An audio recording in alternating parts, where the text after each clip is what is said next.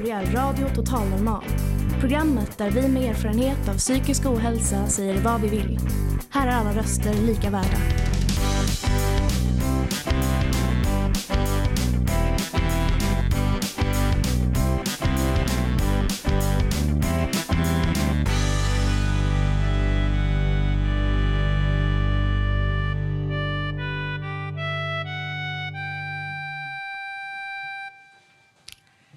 Hej och hjärtligt välkomna till Radio Total Normal, ditt psyke i etern på 101,1 MHz i Stockholms närradio. Vi befinner oss i matsalen på Fountain House i Stockholm. Jag heter Anna Widerberg och jag är gäst här idag tillsammans med personen som sitter bredvid mig här, Janne Schaffer. Eh, vi har också en publik. Ja, naturligtvis. Som ni hör så har vi en härlig publik och det är ju underbart. Eh, så välkomna allihopa. Både ni som är här, ni som lyssnar på livesändningen i närradion och ni som lyssnar på podden i efterhand. Janne Schaffer, Ja. vem är du? Eh, jag brukar säga till Janne Schaffer, jag är gitarrist och låtskrivare. Ibland får man olika epitet sådär att en eh, levande legend och gitarrhjälte och sånt där. Jag gillar inte de orden faktiskt. Jag gillar inte heller ordet kändis.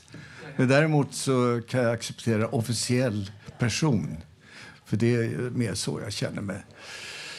Jag tänkte jag kommer, brukar göra väldigt många radiointervjuer och, och då berättar man oftast om hur, eh, hur alla framgångarna man har haft. Och, och det, jag har haft ett otroligt rikt och, och eh, fantastiskt musikliv faktiskt. Men jag tänkte just den här stunden när jag sitter här så jag tänkte jag skulle berätta lite grann om det som man inte frågar så mycket om och vad som händer lite bakom de lite mer mörka sidorna och hur man tar sig igenom dem händelserna faktiskt, som man är ganska oförberedd på också i olika läger.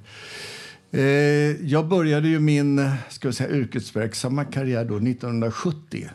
Jag hade spelat under hela 60... Jag byggde, började egentligen med att jag byggde en gitarr i träslöjden 1957 i Blackebergs läroverk. Och sen så spelade jag under hela 60-talet med massa popgrupper. Sleepstones var en väldigt populär grupp faktiskt. Och jag skulle berätta, kunna berätta väldigt många roliga historier om det där. Men, och så läste jag då samtidigt på... Eh, jag gick i skolan när jag började då. Och mina föräldrar var ju då musikaliskt utbildade. De hade mötts på Musikhögskolan, eller Aki som det hette. Och min mamma studerade eh, pianopedagogik och min pappa fiol. Han spelade i Stockholms kammarorkester. Och sen då när jag började spela gitarr, jag hade byggt gitarren själv i, i träslöjden, så tyckte mina föräldrar åh vad roligt att Jan har en hobby. Sådär. Det är skojigt sådär. Men det var inte en hobby, det är en brinnande passion. Och det kan jag säga, den känslan sitter kvar. Alltså jag älskar att spela och få uttrycka mig inför folk. Alltså det, och jag hittade mitt instrument direkt. Det är också, ibland får man ju leta sig igenom piano, fiol, eh, flöjt eller sådär. Men jag hittade direkt gitarr. Och ibland så då... Jag var uppvuxen rätt så auktoritärt. Det var, på den tiden var det så. Och jag kan bara berätta ett kort, en liten grej sådär att jag hade hittat då några kompisar. Vi var alltså vad var 15-16 år och vi spelade lite grann på ungdomsgårdarna och sådär. Men så plötsligt en dag så säger min mamma som heter Berit till min pappa Tage. Tage kan du gå och köpa kvällstidningar och se var Jan befinner sig någonstans. Han ska hem och göra läxorna. Ja, han är på Lillsjönäs ungdomsgård. Åk genast dit och hämta hem honom. Ja. Där står jag och spelar inför publiken. Och så plötsligt så strömmar, jag rusar min farsa in. Du kan hälsa från mig om det är någon som jag känner. Ursäkta. Ja. I vilket fall som helst så, så strömmade då, eller rusar min pappa rakt in genom publiken fram till scenen och så säger han så här. Ja, ja, nu packar vi ihop. Nu ska vi hem och göra läxorna, förstår du. Och det var ju bara att lyda. Alla tittade så här, vad är det som händer? Men, och jag lydde då, men då förstod jag att att det här, att jag inte fick, att min pappa kom, det var, ju, det var ju väldigt nesligt för mig också. Jag kände att det här har motsatt effekt för mig. Alltså musik är så intressant. Det här måste jag utforska mer.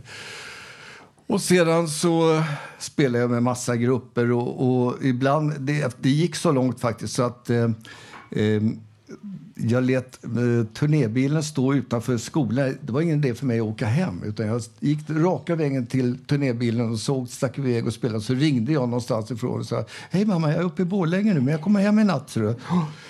Så, det, det, var ungefär på det sättet som det började. Men sen tyckte då mina föräldrar att jag skulle då ta en examen i varje fall. Jag gjorde det. 66 tog jag studentexamen och skrev studentuppsatsen om Rachel Carsons Tyst vår. Och sen så läste jag fyra år på universitetet. Och eh, det, var, det är jag väldigt tacksam för att jag gjorde då, för det finns ett liv utanför musiken också har jag lärt mig efter det. Jag läste samhällsvetenskapliga ämnen, statistik, sociologi, statskunskap, nationalekonomi och företagsekonomi. Men 1970 så började jag spela då. Och eh, snabbt så kom jag in och spelade. Jag fick sitta då med Sven-Olof Waldorfs körorkester och spela bakom Lasse Berghagen. En kväll i juni till exempel det är jag med och spelar på. Family Four, eh, Anita Lindblom, Lill Lindfors, Lill-Babs, you name it. Sådär. Och det bara rusade, karriären bara rusade på så här.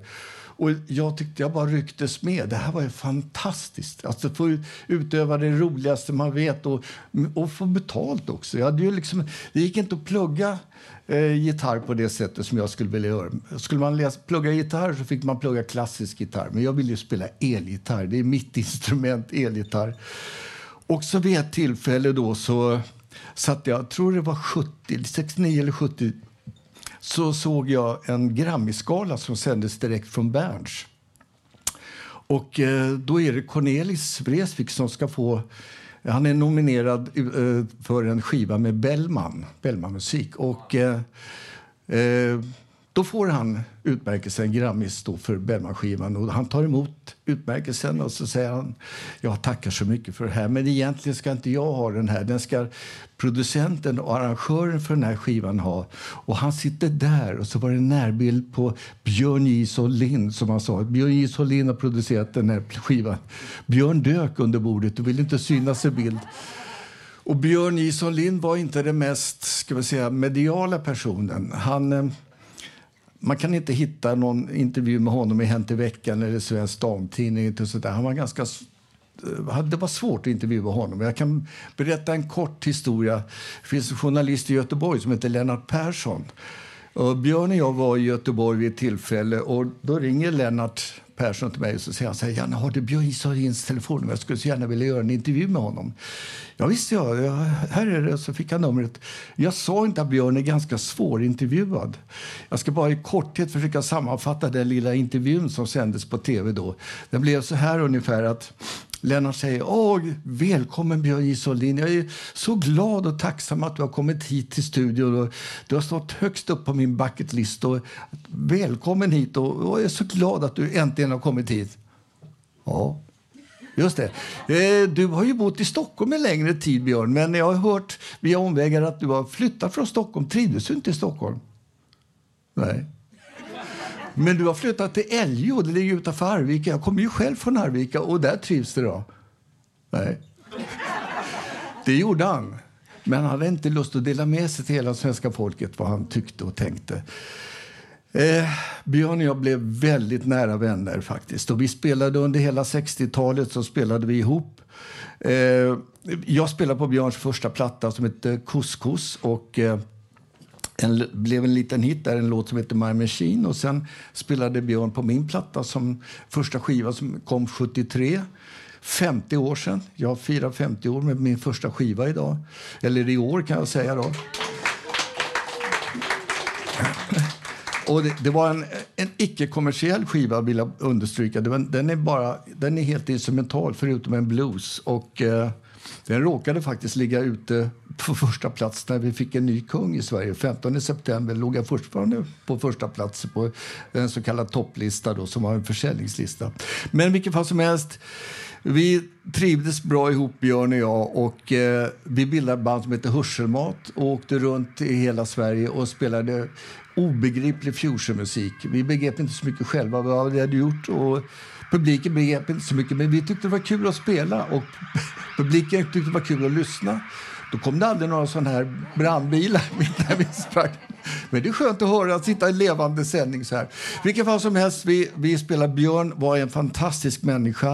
Eh, vi hjälpte varandra på varandras skivor. Björn spelar med, eh, han producerade en platta med Lill Lindfors. Han, eh, gjorde, eh, han hjälpte mig på mina plattor och jag hjälpte honom på hans plattor.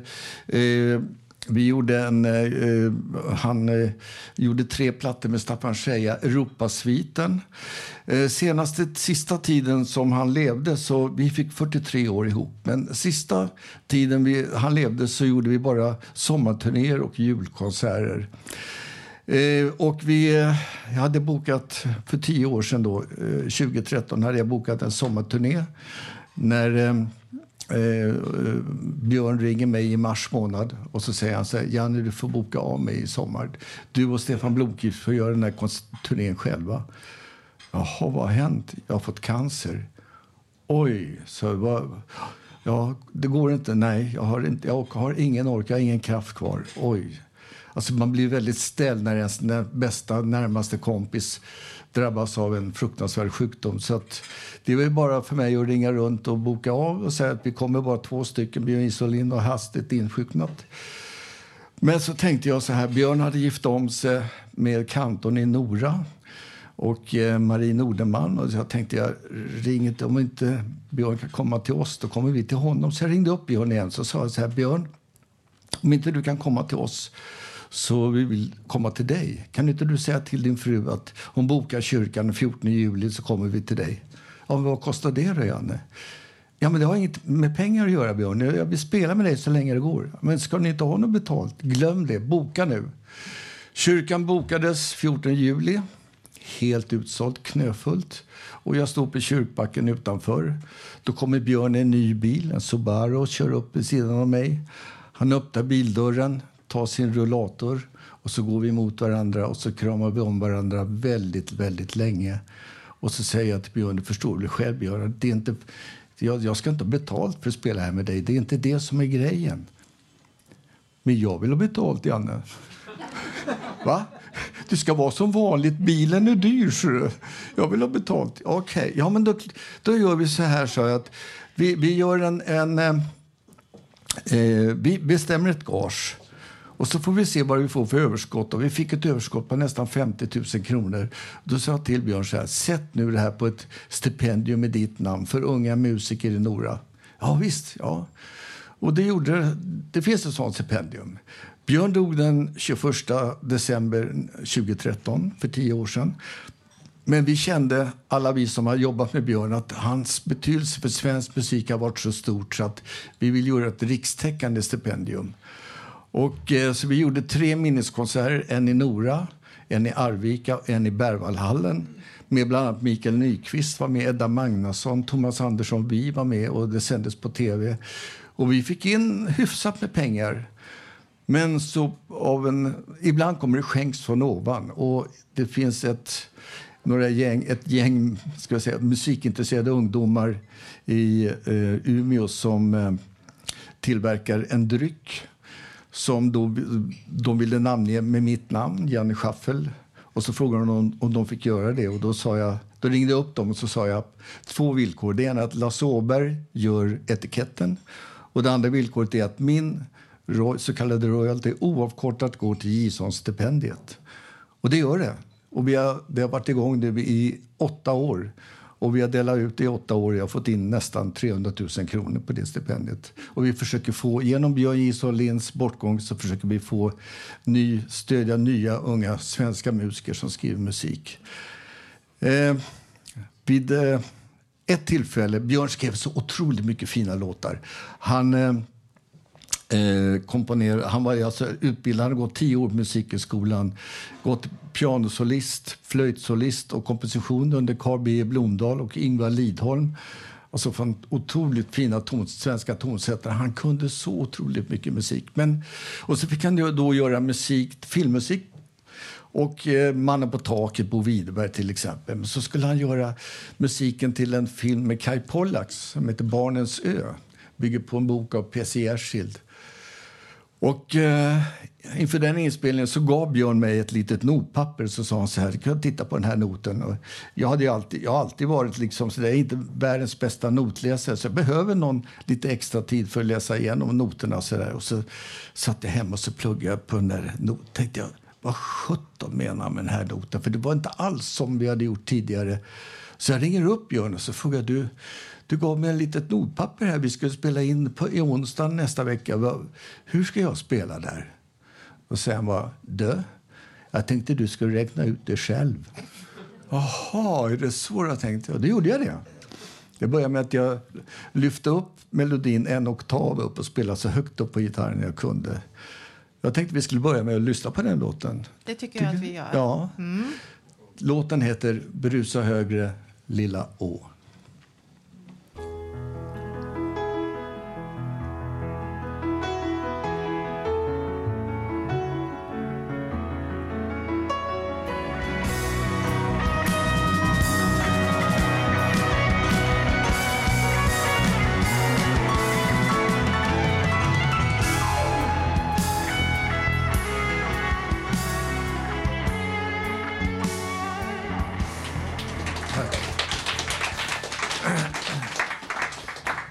Fantastiskt att sitta och lyssna på sig själv så här för plötsligt så rullar upp en film i huvudet på mig. Precis. Jag kommer ihåg den här inspelningen. Tack vare att jag hade fått noterna förväg så visste jag exakt hur jag skulle spela. Och bredvid mig då sitter Björn Isolin och spelar flygel och eh, Stefan Brolund spelar bas och Per Lindberg spelar trummor. Och det här är den långa versionen. Det finns en kortare version av den här låten också. Men här, vi bara det är två tagningar. Den, den första tagningen var lite sådär fel. Vi tar den en gång till, sa vi. Och så här är tagning nummer två.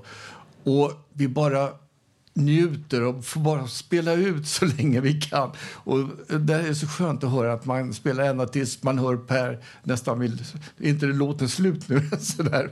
Men det finns en nedklippt version också till tre minuter ungefär vanlig speltid. Och den var den mest spelade eh, låten på radio P4 1980, vilket är otroligt fint.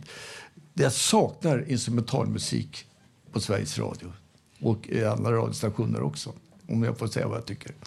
Vilket fall som helst, eh, den här tiden var ju otroligt... Eh, hela, hela mitt liv egentligen har varit fantastiskt. Det var ju såna otroligt fina framgångar. Jag var med i tv-program, var på Poppa och sålt skivor och sånt där. Och det har ju varit jättebra. Men jag hade ju en familj också. Eh, mamma och pappa. Och så hade jag en bror. Och... Eh, vi växte upp tillsammans då och jag, när jag hade tagit studenten och började plugga på universitetet så flyttade jag hemifrån och bodde inne i stan. Då dök min bror upp ibland och jag märkte att han mådde inte så bra. Och jag visste inte riktigt hur jag skulle hantera det. Men eh, vi, vi var umgicks som kompisar sådär men han hade inte musiken. Alltså vi hade, jag hade ju musiken som mitt, vad ska jag säga, min stora passion. Det, vad min bror egentligen hade, det fick jag aldrig lite kläm på. Men eh, det resulterade i, i varje fall att vid ett tillfälle, sen kväll, tror det var en lördagkväll, så, så kom min bror hem till mig och han mådde väldigt, väldigt dåligt och var väldigt aggressiv också. Så jag kände att jag måste göra någonting. Så jag sa, vad ska, ska jag, kan jag hjälpa dig på något sätt? Ja, jag måste, jag måste ha hjälp någonstans. Jag mår inte bra. Okej, okay, så ska vi åka in till psyket? Ja, kan du hjälpa mig dit? Så vi åkte in till Sankt Göran.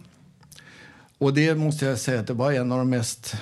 En av, det finns olika typer av hemska upplevelser man har haft, men det här var en av dem faktiskt. Att jag kommer ihåg att jag satt där med min bror på psyket. Det var alldeles tyst, det var mörkt också. Och i och med att jag hade varit, jag var redan då så kallad officiell person så alla satt och tittade på mig och, och jag kände mig otroligt uttittad och sådär. Fast jag var där då för min brors hjälp. Och han fick någon lugnande medicin och sådär. Och jag visste inte riktigt vad jag skulle göra för någonting. Men så fortsatte mitt liv.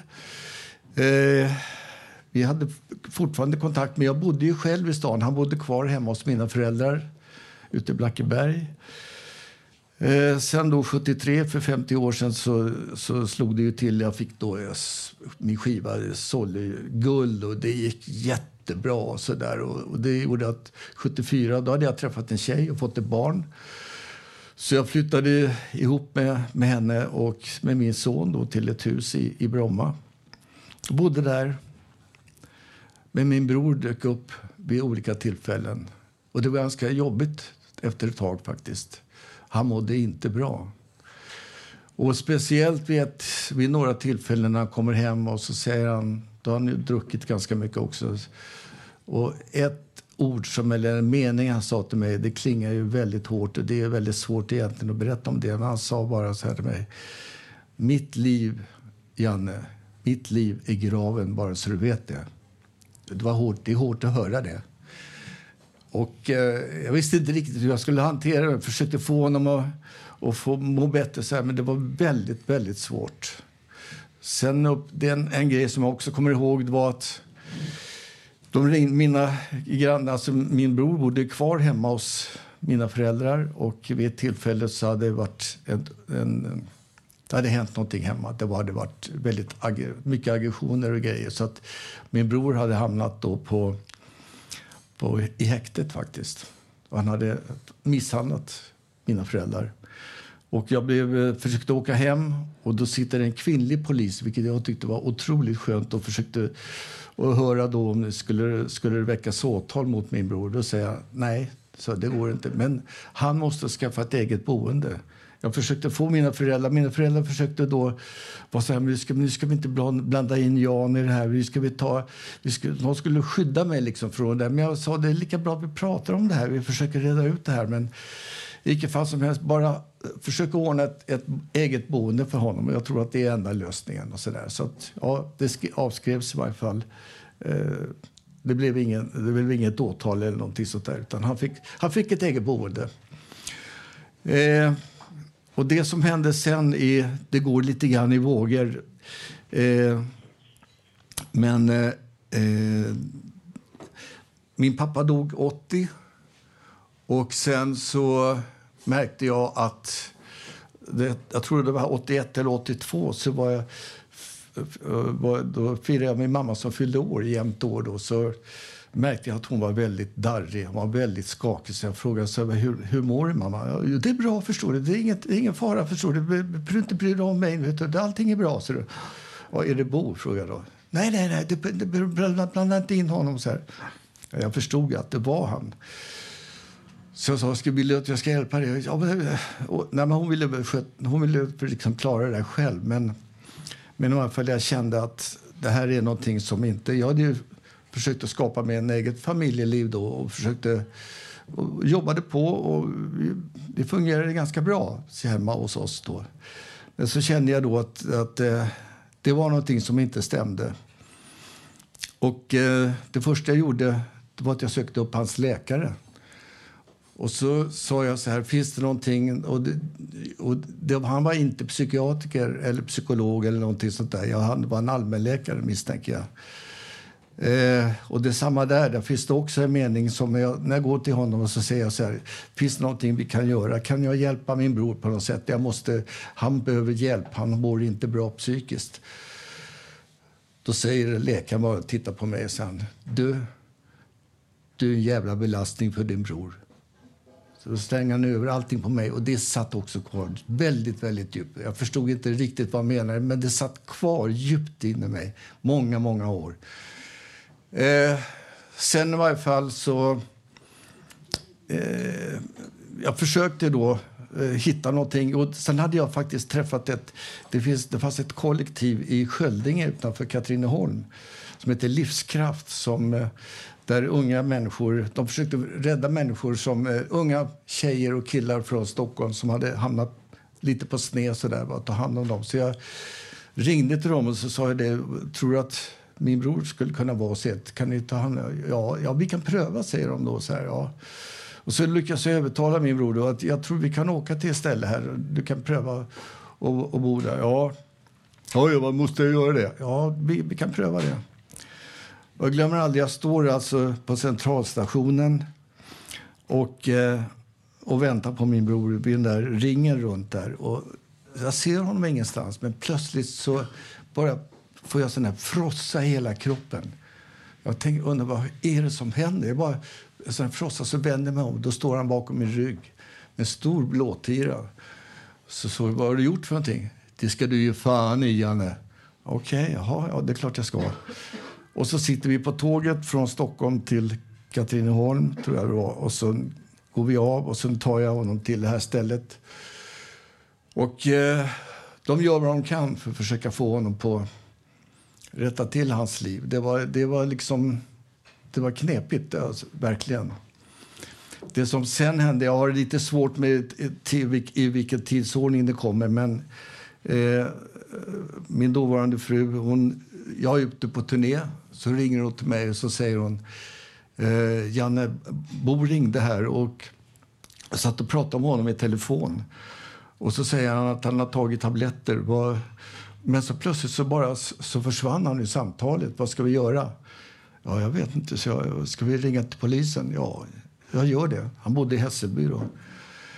Och eh, eh, ja, så gjorde de. Och de kom inte in. Och så säger de, vi måste bryta oss in. Och då måste jag då, Bos bror, ge tillstånd att vi får bryta upp dörren. Ja, då säger jag, vad ska vi göra? Ja, gör det.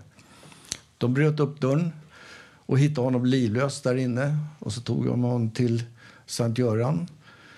Och eh, då kommer jag ihåg att jag ringde till... Eh, jag fick reda på var han bodde, var han, var han tog in någonstans. Han var medvetslös. Men så, så fick, pratade jag med någon personal där så sa jag det. Du, ni måste hålla honom kvar där. Försöka hitta någon plats där, han kan, där ni kan ta hand om honom. Och då säger de bara att om inte han vill så går det inte, Janne. Han, han måste vilja själv. Ja, ja jag, jag, tror inte han kommer att vilja det. Och det gjorde han ju inte heller. Han ville absolut inte vara kvar där, utan han åkte hem. Och så ringer han till mig och så säger han, Janne, ja, är det du som har förstört min dörr? Eh, ja, det var enda sättet att komma in för polisen. Det ska du ju fan i. Du får pröjsa den här jävla dörren. Fattar du? Ja, men ja. Ja, är det, är det allt du har att säga? Ja, och så fan i det där. Okej. Okay. Svåra lägen. Man har inget skydd för sånt här. Alltså, jag visste inte vad jag skulle göra. Sen eh, gick det väl några veckor och jag fort, då är jag ute på turné igen. Och då hade vi inte hört någonting från min bror på flera, längre tid. Och eh, då ringer då min dåvarande hustru Ann-Marie till mig och säger hon, eh, vad ska vi göra igen? Vi har inte hört någonting från Bo. Tror du att det har hänt något? Ja, jag vet inte. Vad ska vi... Och polisen åker dit. Det är samma visa igen. Ska vi slå in dörren? Ja. Och då gör de det. Och då, det, då hittar de honom i badkaret. Och det är en chock. Alltså, han var, det här var 83. Eh, och jag hade väldigt svårt att hantera det här. Men jag visste ju då att jag måste ju, det var jag som fick ta hand om Min mamma var, jag var på begravningen. Det är en av de värsta begravningarna jag varit på. Min mamma var inte där. Hon sa, vad, vad gör vi här Jan? Vem är det som ligger där i kistan? Ja, Ja, det är faktiskt Bo. Ja, varför då? Alltså, det var väldigt svårt att hantera det. Sen så, efter nåt år... Alltså det, tog, det här tar väldigt djupt, och speciellt då när man är en så kallad officiell person. Man tänkte, man, jag visste inte riktigt... Jag hade behövt eh, ha, jag hade behövt ha tag i en terapeut ihop med min mamma. Det var, det var jag egentligen behövde. Men jag, det fanns ing, jag visste inte vad jag skulle vända mig. om jag ska vara ärlig. Och sen gjorde jag en, jag gjorde ett misstag och det kan lika bra att jag delger er vad, vad, vad jag... Det, finns, det är inte så många grejer som jag ångrar. Man, jag menar, det, man upplever vissa saker i livet och som bara händer och man får acceptera att det är. Men det här var... Här gjorde jag ett, ett litet misstag. Och det var så här att jag blev uppringd av något som heter improvisationsteatern. som frågade om jag ville komma och, och göra Herrar i ditt liv liksom, så här, inför publik. Och då sa jag ja, det kan ju vara bra. Det kan ju vara kul att, att göra det. så här. Och en liten lokal i Vasastan. Jag åker dit och eh, det är en liten teatergrupp och så är det en kvinna som sitter som är en slags leder, programledare. Och eh, så Eh, så, så rita upp en tidslinje, en livslinje. Så, här. så rita upp en livslinje. Men sen 83 då, så en pil ner och sen lite upp igen. Så där. Ja, så tänkte jag bara undra vad det här ska gå ut på. Då. Så jag visste inte. Kan du berätta lite grann om ditt liv? Hur föddes och så där? Bara berätta. Och så plötsligt så gjorde de en, en sketch av det. Och då började jag förstå att det här, det här är humor. Här, gör de, här ska de vara... De gjorde, och det gjorde det ganska bra sådär. Va? Och sen vi hade kommit en bra bit då så, så sa de nu tar vi paus. Ja. Och, och just det, alltså vad det jag skulle säga, när, när, de, när de gjorde då att jag, förstod att det här var humor så tänkte jag att oj, då hakar jag på. Så jag berättade bara en massa roliga, absurda grejer från mitt liv. Sådär, och då blev ju liksom, jag fick, publiken mådde ju väldigt bra. Och så tog det paus och när jag går ut och möter publiken inte, då kom någon fram till mig och sa Fan, du är ju roligare än skådespelarna. Janne. Så här, Jaha, vad kul. Ja, ja tänkte jag. Så, efter paus då, så var den där dippen ner där. Och tänkte jag, hur ska jag ta det här? Ska jag köra eller ska jag hoppa över, bara släta över så där? Men så tänkte jag, nej. Jag berättar ungefär det som jag berättade för er alldeles nyss. Jag berättade det. Man kunde höra. Och från att stämningen låg ganska hög så sjönk den ner så här lågt. Så tänkte jag, hur, nu ska det bli intressant att se hur, hur teatergruppen gestaltar det här. Och de försökte göra humor av det. Och det blev så, ursäkta uttrycket, jävla dåligt. Det blev så fruktansvärt pinsamt och alla tyckte att det här var inte klokt. Så jag kände att jag måste rädda den här situationen. Så då, I och med att vi hade kommit igång med Electric Banana Band då, så hade jag, jag har ett knippe med eh, fantastiska historier med, när vi möter barn som är underbara, som, som bara säger rakt upp i ansiktet vad de tycker och tänker om oss. Så att det slutade lyckligt i den där lilla grejen. Sen tackar de för mig. Tack så mycket, Janne. Vad fint. Nu ska vi gå över. Vi ska göra en annan föreställning. Och sen släppte de ut mig. Och det skulle de inte ha gjort. För jag kände att jag gick plötsligt, jag bara kände hela kroppen bara sjönk ihop. Det gick som i kvicksand ut. Jag kände liksom, och jag visste inte vad jag skulle ta vägen. Alltså det jag hade behövt kan jag säga, det var att vi satte oss ner efteråt en sån här grej och talade ut. Vad, hur kändes det här Janne? Blev det bra? Eller vad tyckte du? att En utvärdering va? Men helt bara, jag blev utsläppt och jag kommer än idag ihåg att jag gick runt på krogarna i stan och försökte dricka så mycket jag kunde. Men jag blev inte full. Jag var helt, helt superklar i huvudet hela tiden. Och, eh, men jag sitter ju här idag och jag kan berätta om det. Det tog lång tid innan jag kunde ta det här själv. Men det som jag har, tack och lov, så har jag ett, ett verktyg som jag kan, när jag kan få ut mina känslor. Och det jag fick ihop då, när, jag, när han hade gått bort där, 83 var det, jag spelade in en, en skiva 85 och då skrev jag en, en låt till min bror som heter Som ett nyfött barn. Och tänkte vi kan lyssna på den så hör ni hur jag kände då.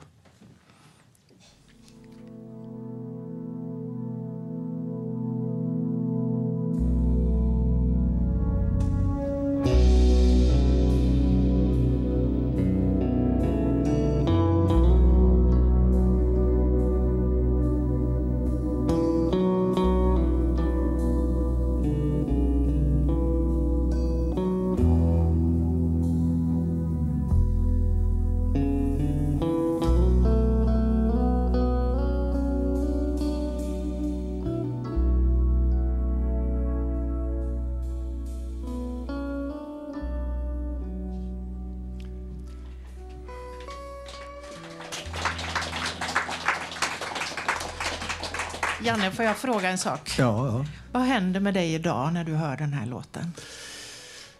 Eh, det sjunker djupt in i mig. Det, det, det, kommer, det rullar upp. Det är mest, man kan säga att när jag hör... Jag kanske inte ser min bror framför mig så mycket längre, men den känslan jag hade eh, i samband med hans bortgång. Den sitter ju där i låten. Och jag kommer ihåg när vi spelade in den på Europafilm. Och det, det är samma här. Det är Björn Jison Lind, det är Christian Weltman och det är Per Lindvall. Och, eh, vi lyckas få ihop den här stämningen, känslan ihop. Det, det, eh, det känns befriande att lyssna på den här. Skulle du säga att låten var en viktig del av din, ditt sorgarbete? Ja, absolut. Jag kände att, att det var... I och med att jag aldrig fick... Ja, det var bra att sitta på samtal med någon slags samtalsterapeut. Jag har hört att det ska vara så himla bra. Jag har aldrig prövat det. Men, eh, men jag tackar min lyckliga stjärna att, att jag har musiken att kunna få uttrycka mig. Och jag har ju fått spela med så många fina musiker och artister som har samma känsla, som har den där förmågan att uttrycka känslor. Och det är så otroligt att få eh, vara i närheten av dem. Och en, en som jag spelade med, som jag bara hört talas om, eh, det var Cornelis. Och hans första skiv, mitt första möte med honom, det var så här. han sjöng, eller han, vi satt allihopa, det var Red Mitchell, jag, Rune Gustafsson och Sabo Martinez.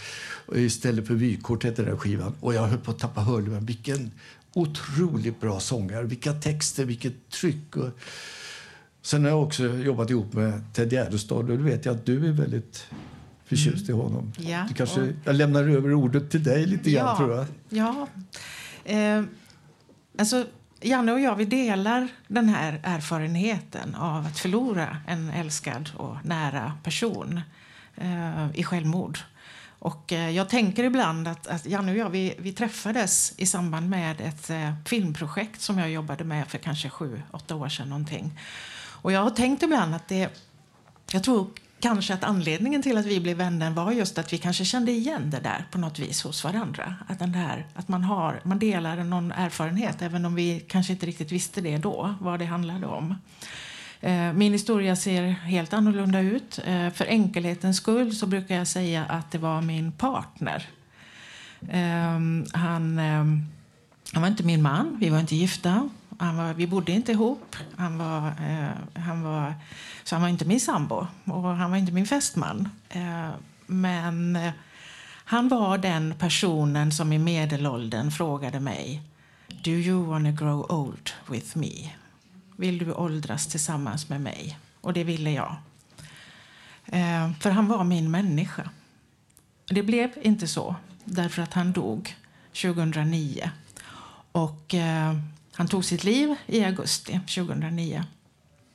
Och jag kan säga att eh, det, här, det faktum att jag sitter här idag eh, det är liksom ett bevis på att en människa kan klara så mycket mer än vad hon tror. För så ont jag har haft och så förfärligt eh, det har varit emellanåt. Ehm, och ändå så har jag överlevt ett steg i taget. Ett steg i taget. Och det tog jättelång tid och det var urjobbigt.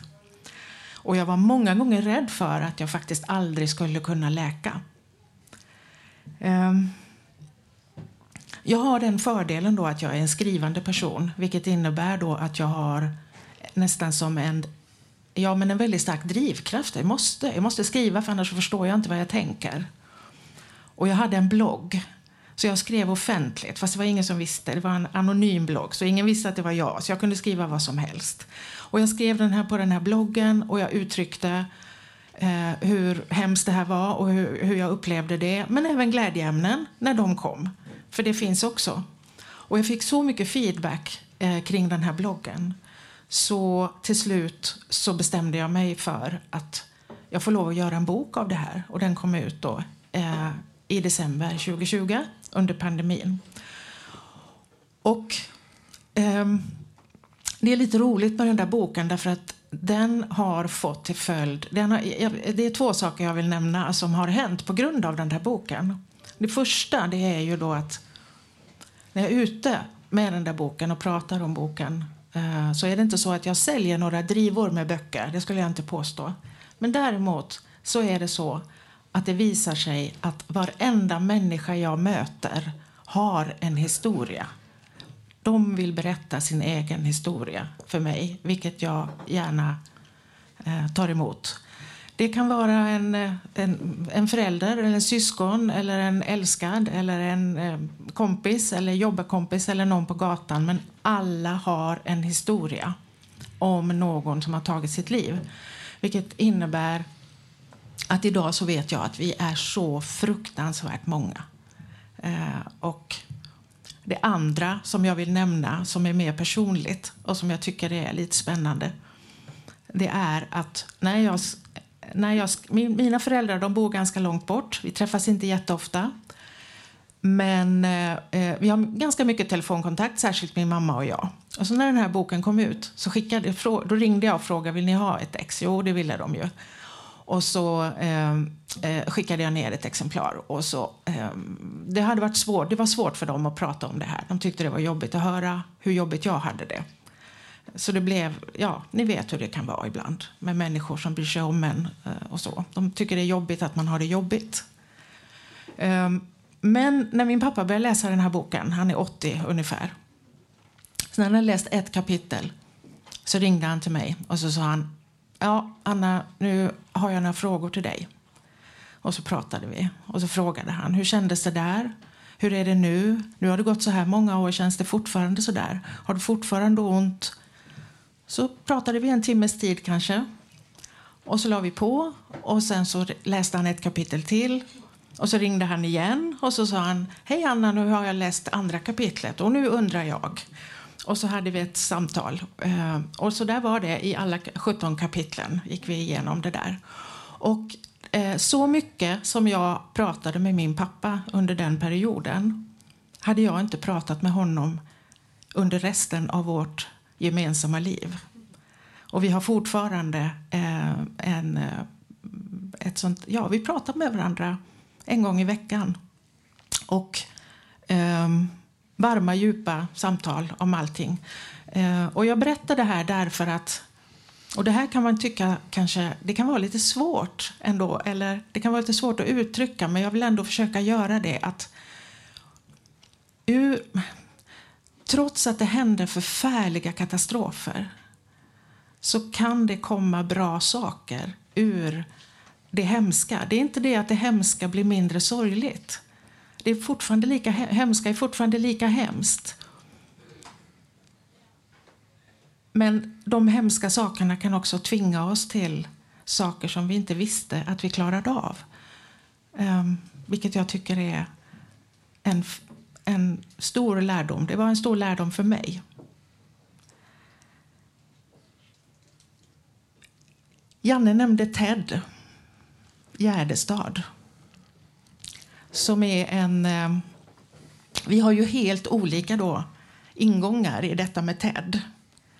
Eh, för att eh, när jag då... När det hade gått ett antal år så hade jag... Eh, jag hade tre ungar så där i övre tonåren, någonting. Ehm, de eh, jag levde, jag funkade, jag jobbade. Jag tyckte att det här går bra. Det här går finemang. Eh, det var 2015. Ehm, och jag tänkte kanske att jag, jag, jag, jag, är, jag är aldrig kanske riktigt glad. Men å andra sidan är jag aldrig riktigt ledsen heller. Men det är okej. Okay. livet kan vara så här. Det är okej, okay. jag har överlevt och jag lever och det går bra. En vår eftermiddag så kom min tonåriga dotter hem och så sa hon Mamma, kan inte du hjälpa mig att göra en vårlista på Spotify? Med låtar från när du var ung. Ja, det kan jag väl. Och så letade vi fram lite Thomas Ledin och Gyllene Tider. Och, eh, och så sa jag, men du Ted Gärdestad, visst har väl han gjort någon fin låt med sommartema? Och jag tror, den första vi hittade tror jag var eh, Sol, vind och vatten. Ja, så lyssnade vi på Sol, vind och vatten. Jo, den tyckte ju hon var fin. Och så fortsatte Spotify att spela. Eh, och nästa, det kommer en, en ny låt. Och det är ett, jag hör, det här är en låt som jag aldrig har hört förut. Och det är ett kraftfullt intro. Och det är en fantastisk skön eh, rytm i den här låten. Och jag upplever som att jag får en sån här eh, hjärtstartare.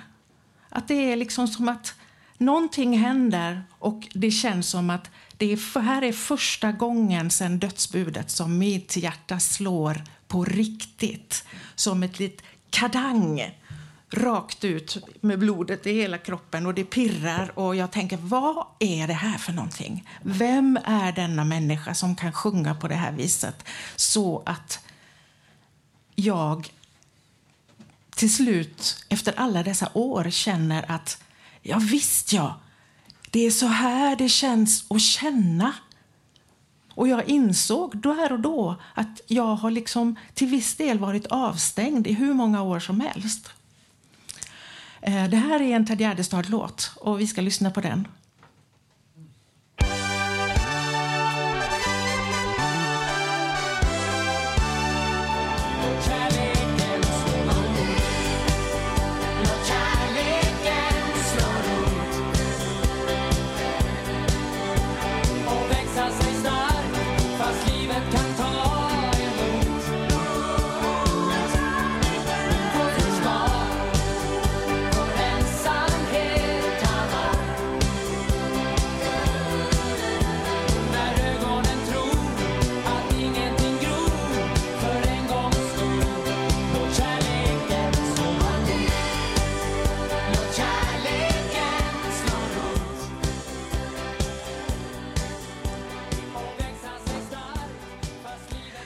Jo, men alltså den här kärleken då, som slog rot.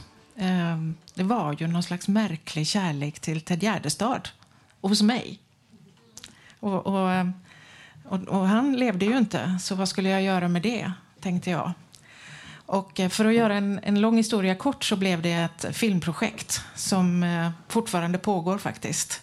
Och en av de första personerna då som jag hörde av mig till eh, för att få veta mer om, om Ted Gärdestad. Det var Janne Schaffer. Ja. ja, det är samma sak här. Att det, är en, det, är, det är sällan som man får vara med en, en hel, ska jag säga, en, en hel karriär med en artist. Jag har ju, jag har ju spelat med många sådär eh, ska jag säga, Lasse Berghagen och Barbro Hörberg till exempel var med och spelade i hennes två sista skivor. Men jag lärde aldrig känna henne. Jag var med Cornelis och spelade på fyra plattor.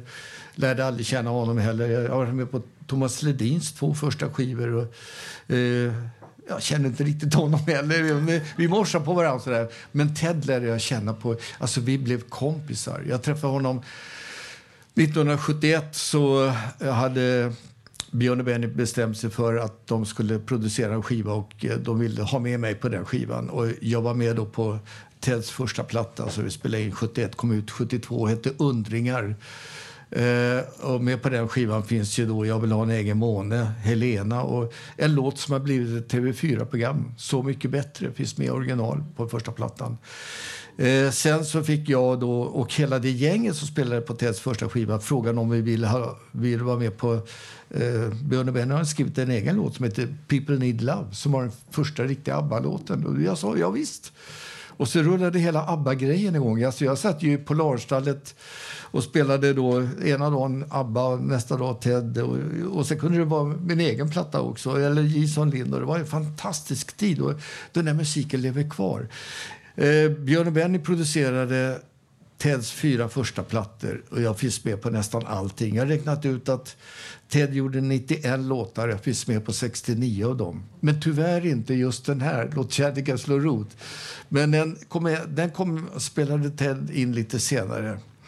Vi blev sådär jättebra kompisar och jag hjälpte honom att arra lite grann. Och, eh, Eh, 79 så ah, skulle Ted vara med och tävla i Melodifestivalen. Och så frågade han mig, så, kan inte du hjälpa mig med en låt? Jag ska vara med i Melodifestivalen. Ja, visst, jag kan göra. Men då sa jag att om du vinner Ted, då vet jag att finalen går i Israel. Och då vill jag hänga med dig dit. Kan du fixa det? Ja, det lovar jag fixar jag.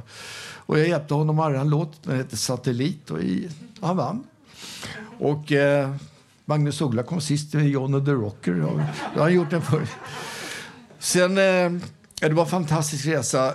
Eh, och sedan så gjorde vi... Eh, Ted var tävlade året efteråt också. Låt kärlek... Det, nej, den heter Låt solen värma dig. Heter den. En reggae-låt. Jättefin låt.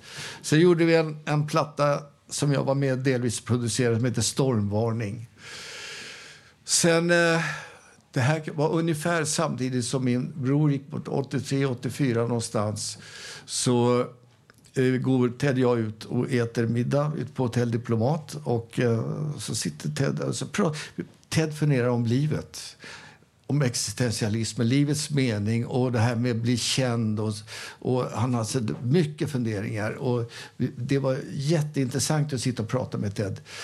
Och så säger han så här plötsligt, imorgon ska jag åka till USA. Jaha, vad ska du göra där då? Jag vill jag inte berätta. Nähä, vart ska du då? Oregon. Jaha. Ja, det var ingenting. Så, så skildes vi och åkte hem. Så vaknade jag på morgonen och tänkte jag, Oregon, vad fan. Bagvam.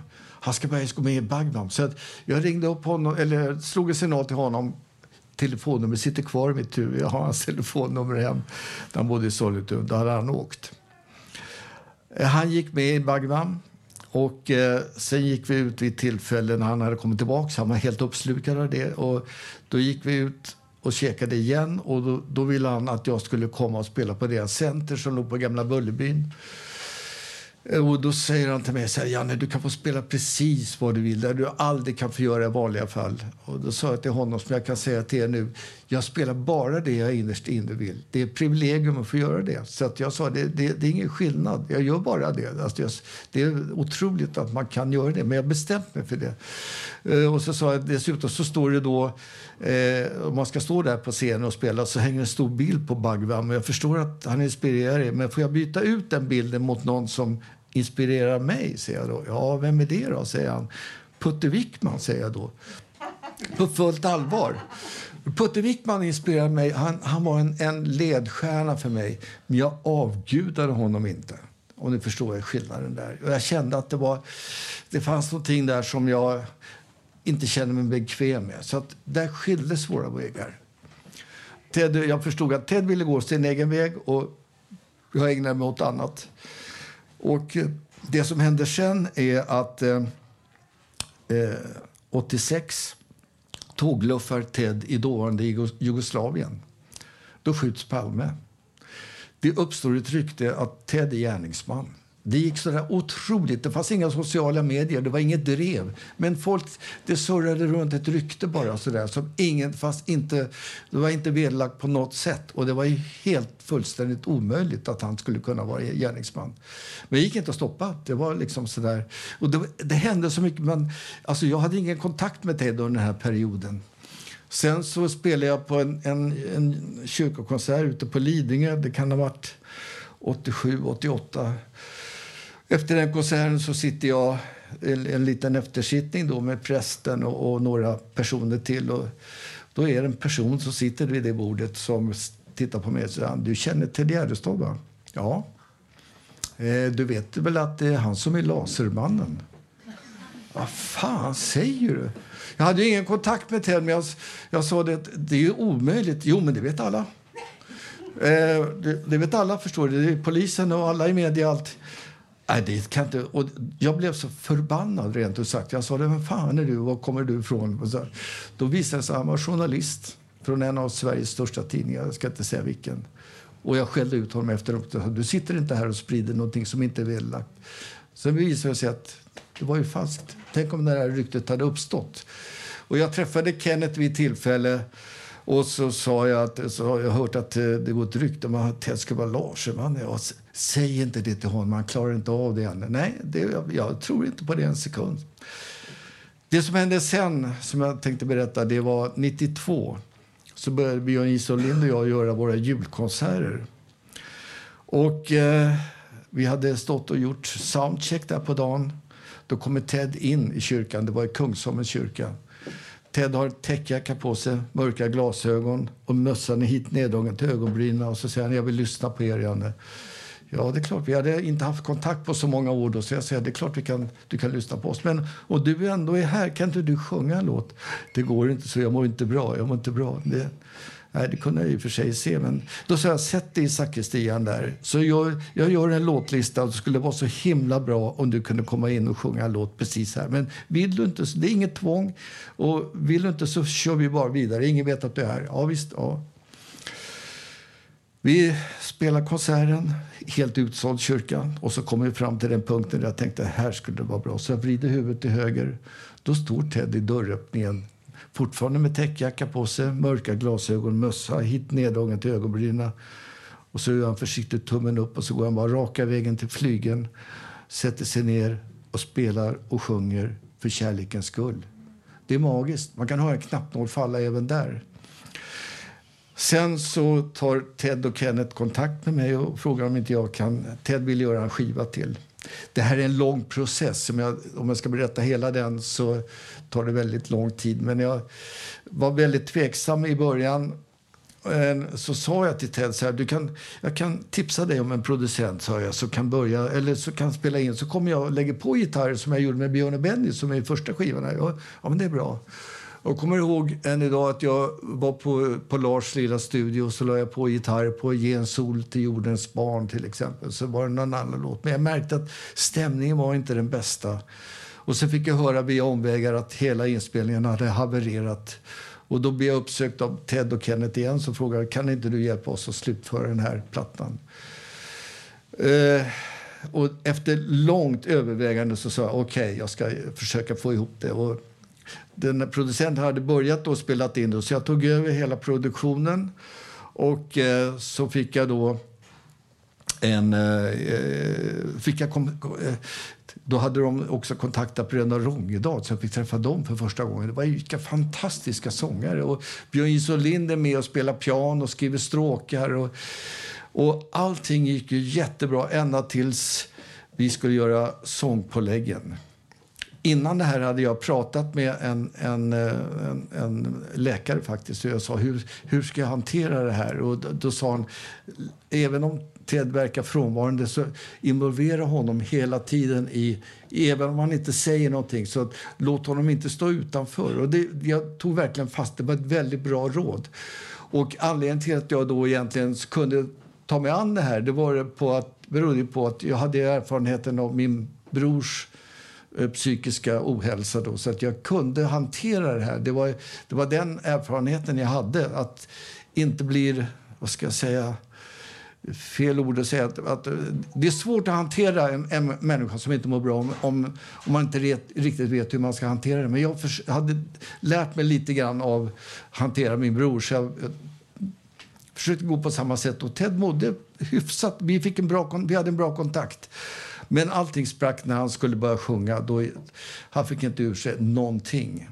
Så det slutade med att vi, eh, vi, eh, vi eh, satt nere i Ted och Kenneths källare ute i Sollentuna och hade hittat något som heter Adat och fick pussla ihop en låt, låt efter låt. Han orkar bara sjunga en låt i taget. Och mitt under den processen så ringer skivbolaget till mig och säger att vi lägger ner alltihopa. Varför det? Det kostar för mycket. Men jag sa det, Ted kommer inte klara det här. För jag märkte det att för varje låt vi vill klara så mådde han långsamt bättre och bättre. Så jag sa, det kommer han, han kommer aldrig klara det om vi att avbryta det här. Det, det, det, det kommer inte han att klara. Då får ni jobba utan ersättning. Ja, men det gör vi. Vi jobbar gratis. Det, bara, det här måste bli klart. Och plattan blev klar. Och jag är glad och stolt över det. Det, är, det blev ju då en skiva som heter Äntligen på väg. Och... Eh, eh, det finns en låt där. Han, han hörde ju röster. Det är ju det han hörde. Alltså, han, han sa det också. Jag hör röster igen. Jag hör John Lennon. Jag hör, jag hör dig ibland också, sa han, sa han till mig. Jag, då sa jag till honom så här, men du hör mig Ted, kan inte du ringa till mig då och kolla om det verkligen stämde den rösten, det rösten sa åt mig? Och titta, men ja, just det. Så här. Men jag tog honom på allvar. Jag, jag förstod att det här var en verklighet för honom. Vilket, och, och, jag skulle kunna gå in i det här väldigt mycket. Men Ted orkade ju inte med livet 97 midsommar så, tog han, eh, så gick han vidare. Och eh, efter det så har vi, satte vi igång eh, någonting som heter eh, Gärdestadsstipendiet 99 och det har vi det fortsätter vi fortfarande med. Jag tyckte det var, det var det bästa vi kunde göra, att få ut något positivt ur någon otroligt tragisk händelse. Att starta upp ett stipendium i Teds namn och för att stödja ny, ung svensk musik. Och det är flera som har fått den. Eh, Thomas Stenström, Maja Hirasawa och jag kan inte räkna upp alla, men det är väldigt många. Men jag tänkte att jag skulle spela en låt där Ted faktiskt Ted och Kenneth, som skriver texterna, beskriver hur han kände förtvivlan, hur han hör en röst som säger inombords att det finns nåt ljust ändå. Och det, fast han hörde själv att, att det var, allting var så mörkt. Men det fanns en ljus röst. Och det är Marie Bergman som sjunger. Och det, musikaliskt är det här ganska intressant. För att Ted har alltså skrivit en, en ackordsföljd han sjunger en melodi, men när Marie Bergman kommer in så sjunger hon en annan melodi. Och till slut så sjunger de melodin, sina, båda melodierna ihop och så sitter ihop så fint. Tid faller hårt, Ted Gärdestad.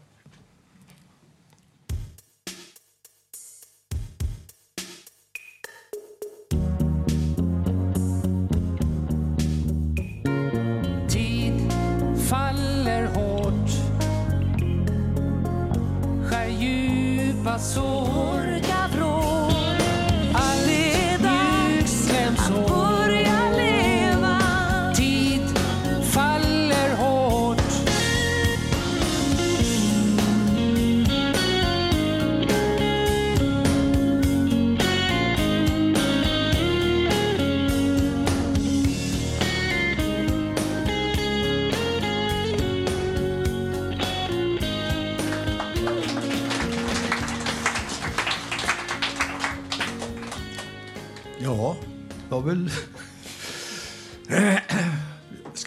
öppna upp för frågor om det är någon som vill? Ja, varför inte? Det tycker jag. Annars har vi ju ett... Ja, du, du ville fråga något. Vad, vad är din favoritgitarr? En gitarr. Vad är, vad är er favoritgitarr? Vad är Min favoritgitarr? Favoritgitarr? Eh, den gitarren som jag har på den här inspelningen det är någonting som heter La Rivière. Men, men man ska säga jag har haft många gitarrer. Jag köpte en, en, eh, en eh, Fender Stratocaster en gång i tiden. Och den, den, eh, den har jag kvar faktiskt. Men, men, men favoritgitarren är en Gibson Les Paul 59. Ja, det, så är det faktiskt.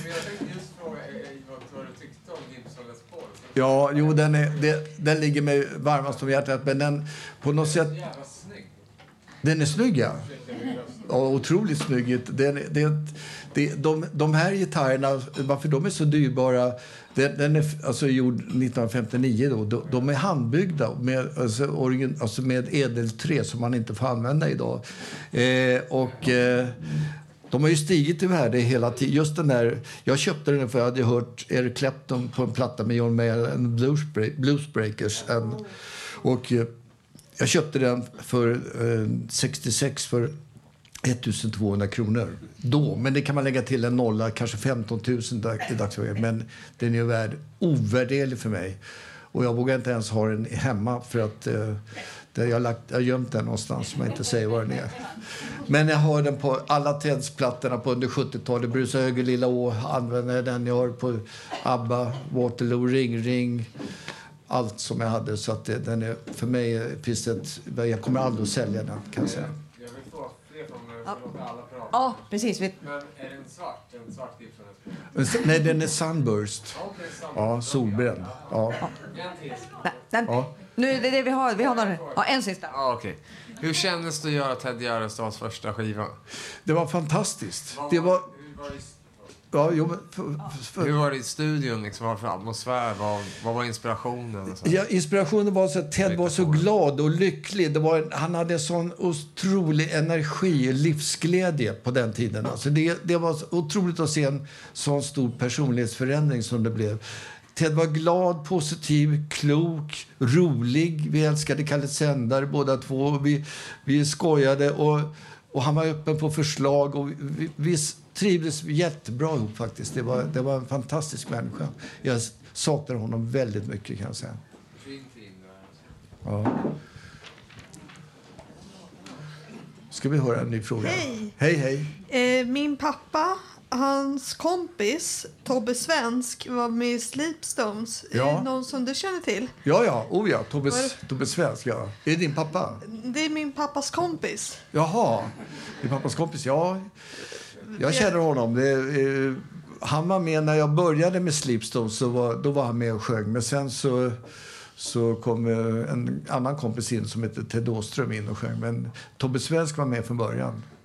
Okej, Ja. tack.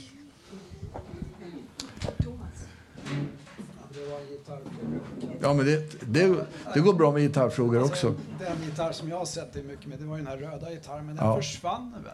Ja, jo, den, den, var, den försvann vid ett inbrott. Eh, jag har fått tillbaka den. Tillbaka. Men jag har svårt att spela på den. Alltså jag övar på den. Men den jag spelar på det är en lånegitarr som jag hade under den perioden som är likadan faktiskt. Och där jag, jag har spelat in mig på den. Det är svårt att förklara det där men, men eh, jag tappade känslan för när jag fick tillbaka den. Jag fick inte tillbaka känslan jag hade på den då. Men jag känner, trodde- känslan har gått över till en annan gitarr om du förstår vad jag menar. Jag trodde det skulle vara som en sån bortsprungen hund som kommer tillbaka. Men så det inte. det var en Ja, helt det, annan nej, hund det, som... kan jag inte, det, det, det tror jag inte. Det går inte att jämföra det. det ett, ett instrument är otroligt personligt. Det kanske man inte kan tänka sig. Till och med förstärkare. Jag har tre stycken eh, Pivi-förstärkare och alla låter olika. Man tror att är, de är exakt samma potentiometrar och, och samma eh, transistorer och allting, men de låter olika. Varför då? Ja, säg det. Där kommer en fråga till. Du nämnde Putte Wickman. Ja. Hur har han inspirerat dig? Han hade en sån distans. Han var så otroligt skicklig. Och han hade distans till sig själv och till musiken och allt som fanns runt omkring. Alltså det, det är svårt att förklara i korta ord. Alltså han var så otroligt skicklig och ändå kände att... Eh, eh, och, och alltid glad. Och, eh, Ja, i varje fall nästan alltid glad. Det, det är nästan jag också. Nästan alltid glad. Eh, och eh, klok och... Eh, eh, Ja, det fanns mycket, jag lärde mig mycket av honom, kan jag säga. Vilken gitarrist har varit en förebild för dig? Den, det finns olika typer. Den som, jag, som var min mentor det var Rune Gustafsson, jazzgitarrist som spelade med Jan Johansson mycket. Ja, han lärde mig, alltså, jag har aldrig haft en lektion, men jag bara sitta bredvid honom och höra honom spela och få spela ihop med honom var helt otroligt. Och, eh, jag, jag var med på en, en platta som heter Move. Där det är Rune och jag, Jojje Wadenius, Pekka Poila och Mats Winding på bas och Ed Thickman på trummor. Och vi spelar fyrstämmigt och det, det är en av de bästa skivor jag har gjort. Och det är samma studio som vi gjorde Bruce Ögerlilla och, och där vi gjorde Teddy Gärdestad, där vi gjorde ABBA. Metronomstudion hette det då, det heter Atlantis idag. Ja, fantastisk studio. Och vad hade du sysslat med om du aldrig hade fått en gitarr? Jag, fick ingen gitarr, jag byggde den själv. Så det, hade, det, det går inte att svara på. Men jag är ju väldigt... Jag kan säga mina skol och klasskamrater, man kan, det, det ger lite fingervisning. Det var Bodil Malmsten. Jag gick i samma klass som Gun-Britt Sundström. Eh, Tom Aland gick i samma skola. Eh, Mats Hult, Bo Könberg blev politiker. Eh, ja, lite så. De, nej, jag vet inte vad jag hade blivit. Jag, jag är så tacksam att jag fick musiken som... På något sätt, det känns som en gåva. Ja, hej och tack för en väldigt eh, trevlig och personlig berättelse du har eh, gett oss här idag. Min fråga är, du nämner ju eh, många olika fina musiker här. Och jag tänker på en annan då som eh, spelade mycket med Cornelis. Hans basist Ove Gustafsson. Eh, spe- du känner ju till Ja. honom också förstår jag. Spelar ni tillsammans också så att säga? Nej, det var Conny. Jag kommer inte ihåg vad han heter efter som... var- Ja, Conny någonting. Någon Söderqvist kanske? Ja, någonting. Nej, jag spelade, då spelade jag... Jag var, jag, spelade, jag var aldrig ute på turné med Cornelis. Jag var bara med på fyra skivor. Alltså Ställ för vykort, Nargnistor, Getinghonung och någon till som jag inte kommer ihåg. Vad sa du? Ja, den är bra. Det är en bra skiva. Ja. Fler frågor? Ja. Hade, hade du en? Ni får, ni får passa på dem. Nej, men jag tänkte att du sa att du kunde alltid spela från din själ och att du alltid kunnat spela det du vill spela eller sjunga. Ja. Och jag tänker det, det är aldrig, inte ens en gång i början eller någonstans där du tog någonting av, eller hade svårt att säga nej, det här är faktiskt inte något jag vill. Eh, alltså det, det, det kom ju till en punkt. Alltså, nej, man kan säga att I början när jag spelade då, tyck, då kunde man ju spela vad som helst då, då, innan man egentligen riktigt har lärt sig. Va? Men jag bestämde mig för... Så för det första så kom jag då in i studiosvängen 70. Men när jag då 73, för 50 år sedan, fick chansen att göra en soloplatta så tänkte jag att nu ska jag spela in en skiva med sån musik som jag själv kan stå för till 100 procent och som jag, sån som musik som jag själv saknar. Och eh, i och med att jag eh, slog igenom, eller vad man ska säga, det, och det, var, det, det blev ju sånt otroligt genomslag på den plattan så tänkte jag att det här nu, nu ska jag gå bara efter magkänslan, vad som är bra. Det kan ju vara väldigt många olika grejer. Jag har ju, jag har ju fått spela med... Eh, jag gillar att spela eh, inte bara ska vi säga, den vanliga musiken som man kanske blues och rock och pop. Jag har spelat klassisk egyptisk musik med Abdo El Khatib genom Björn Jisoo Lind. Jag har spelat med en, en indisk mästare på flöjt, Harry Prasad Chaurasia. Jag fick spela med Bob Marley när han dök upp här i Stockholm 1971. Jag fick spela med eh, en, en kille som heter Karsan Mahmoud som skrev en låt för eh, att uppmärksamma eh, barn och kvinnors situation i norra Irak. Eh, fantastisk fin låt. Och, eh, fortfarande så får jag förfrågningar. Jag jobbar ju fortfarande som studiemusiker. Men idag så känner jag att om någon frågar så, så oftast får de betala själva. Då brukar jag... Då, då får de betala taxiresan som spelar med. Men eh, jag spelar på ett band som heter Division 7 som jag tycker är jättebra. Jag är med på Mari Bergmans senaste skiva. Och sen var jag med och spelade en, en rocksångare från Danmark som heter Ronnie Atkins. Som han, heter, han heter egentligen Chris Jürgensen. Men eh, också jättekul. Och, och det händer grejer hela tiden. Jag är väldigt glad och tacksam för att jag fortfarande kan hålla på. Och sen har jag en grupp som jag har hittat, hittat en skådespelare som heter Kristoffer Wolter och eh, Jakob Hirdvall och vi har bildat en liten grupp som heter Night Agents och vi gör modern techno. Det är också det är kul. Man får göra ny musik. Va? Det är jag är så otroligt tacksam för. Det är ingenting som kommer bli någon stor eh, kommersiell grej men det är kul att göra, pröva annan typ av musik. Jag skulle vilja gå tillbaka till din bror Bo lite Ja. grann och eh, höra om hur nära ni var i barndomen lite grann. Om, om liksom ni var väldigt nära vänner eller hur det var. Var han yngre än dig? Eller? Han var fyra år yngre än jag. Eh, vi var väl ganska nära i, i början. Sådär. Det, det var när vi växte upp. Och, och, eh, man kan väl säga att vi delade aldrig riktigt. Vi gillade musik båda två. Det gjorde vi. Men eh, så fort jag hade börjat spela gitarr och så, så, så åkte jag iväg med mina kompisar. Liksom, så där. Då tappade vi lite grann av närkontakten kan man väl säga. Även fast vi bodde, jag bodde ju hemma då i många år och det gjorde ju han också. Så han, vi, vi, man kan säga att vi hade varsitt liv kan man väl säga då. då. Så att vi var inte riktigt, riktigt sådär. Inte som Ted och Kenneth om du förstår vad jag menar. Inte så. Men det här med hans sjukdomshistoria, så började den väldigt tidigt? Eller? Eh, alltså jag gick in i, i min Jag försökte starta upp ett eget liv. Eh, och eh, jag kan inte... Jag kan, det är svårt för mig att, att, att säga, men, men eh, jag kan säga att någonstans i slutet på på eh, 60-talet, början, ja 68, 69, 70 där. Då, man kan väl säga att det fanns väl eh, en, en del, han, han, alkoholen hade väl en viss betydelse också i hans, i hans liv som Jag aldrig varit på det sättet var, varit eh, lika förtjust i alkohol som han var. På, om man ser- uttrycker sig enkelt. Och det här med diagnos då? Var det... Det fick aldrig någon diagnos. Tack.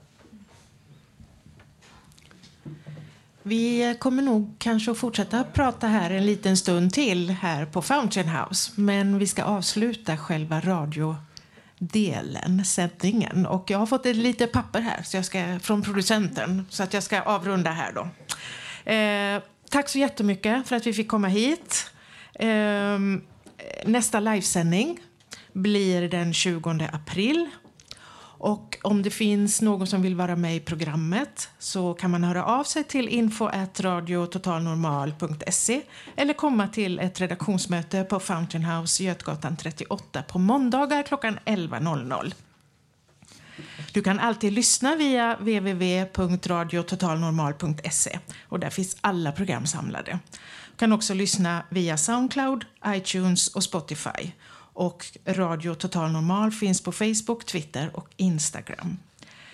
Eh, Radio Total Normal drivs av mediehuset Fanzingo med stöd från Socialstyrelsen, Fountain House Stockholm och ABF.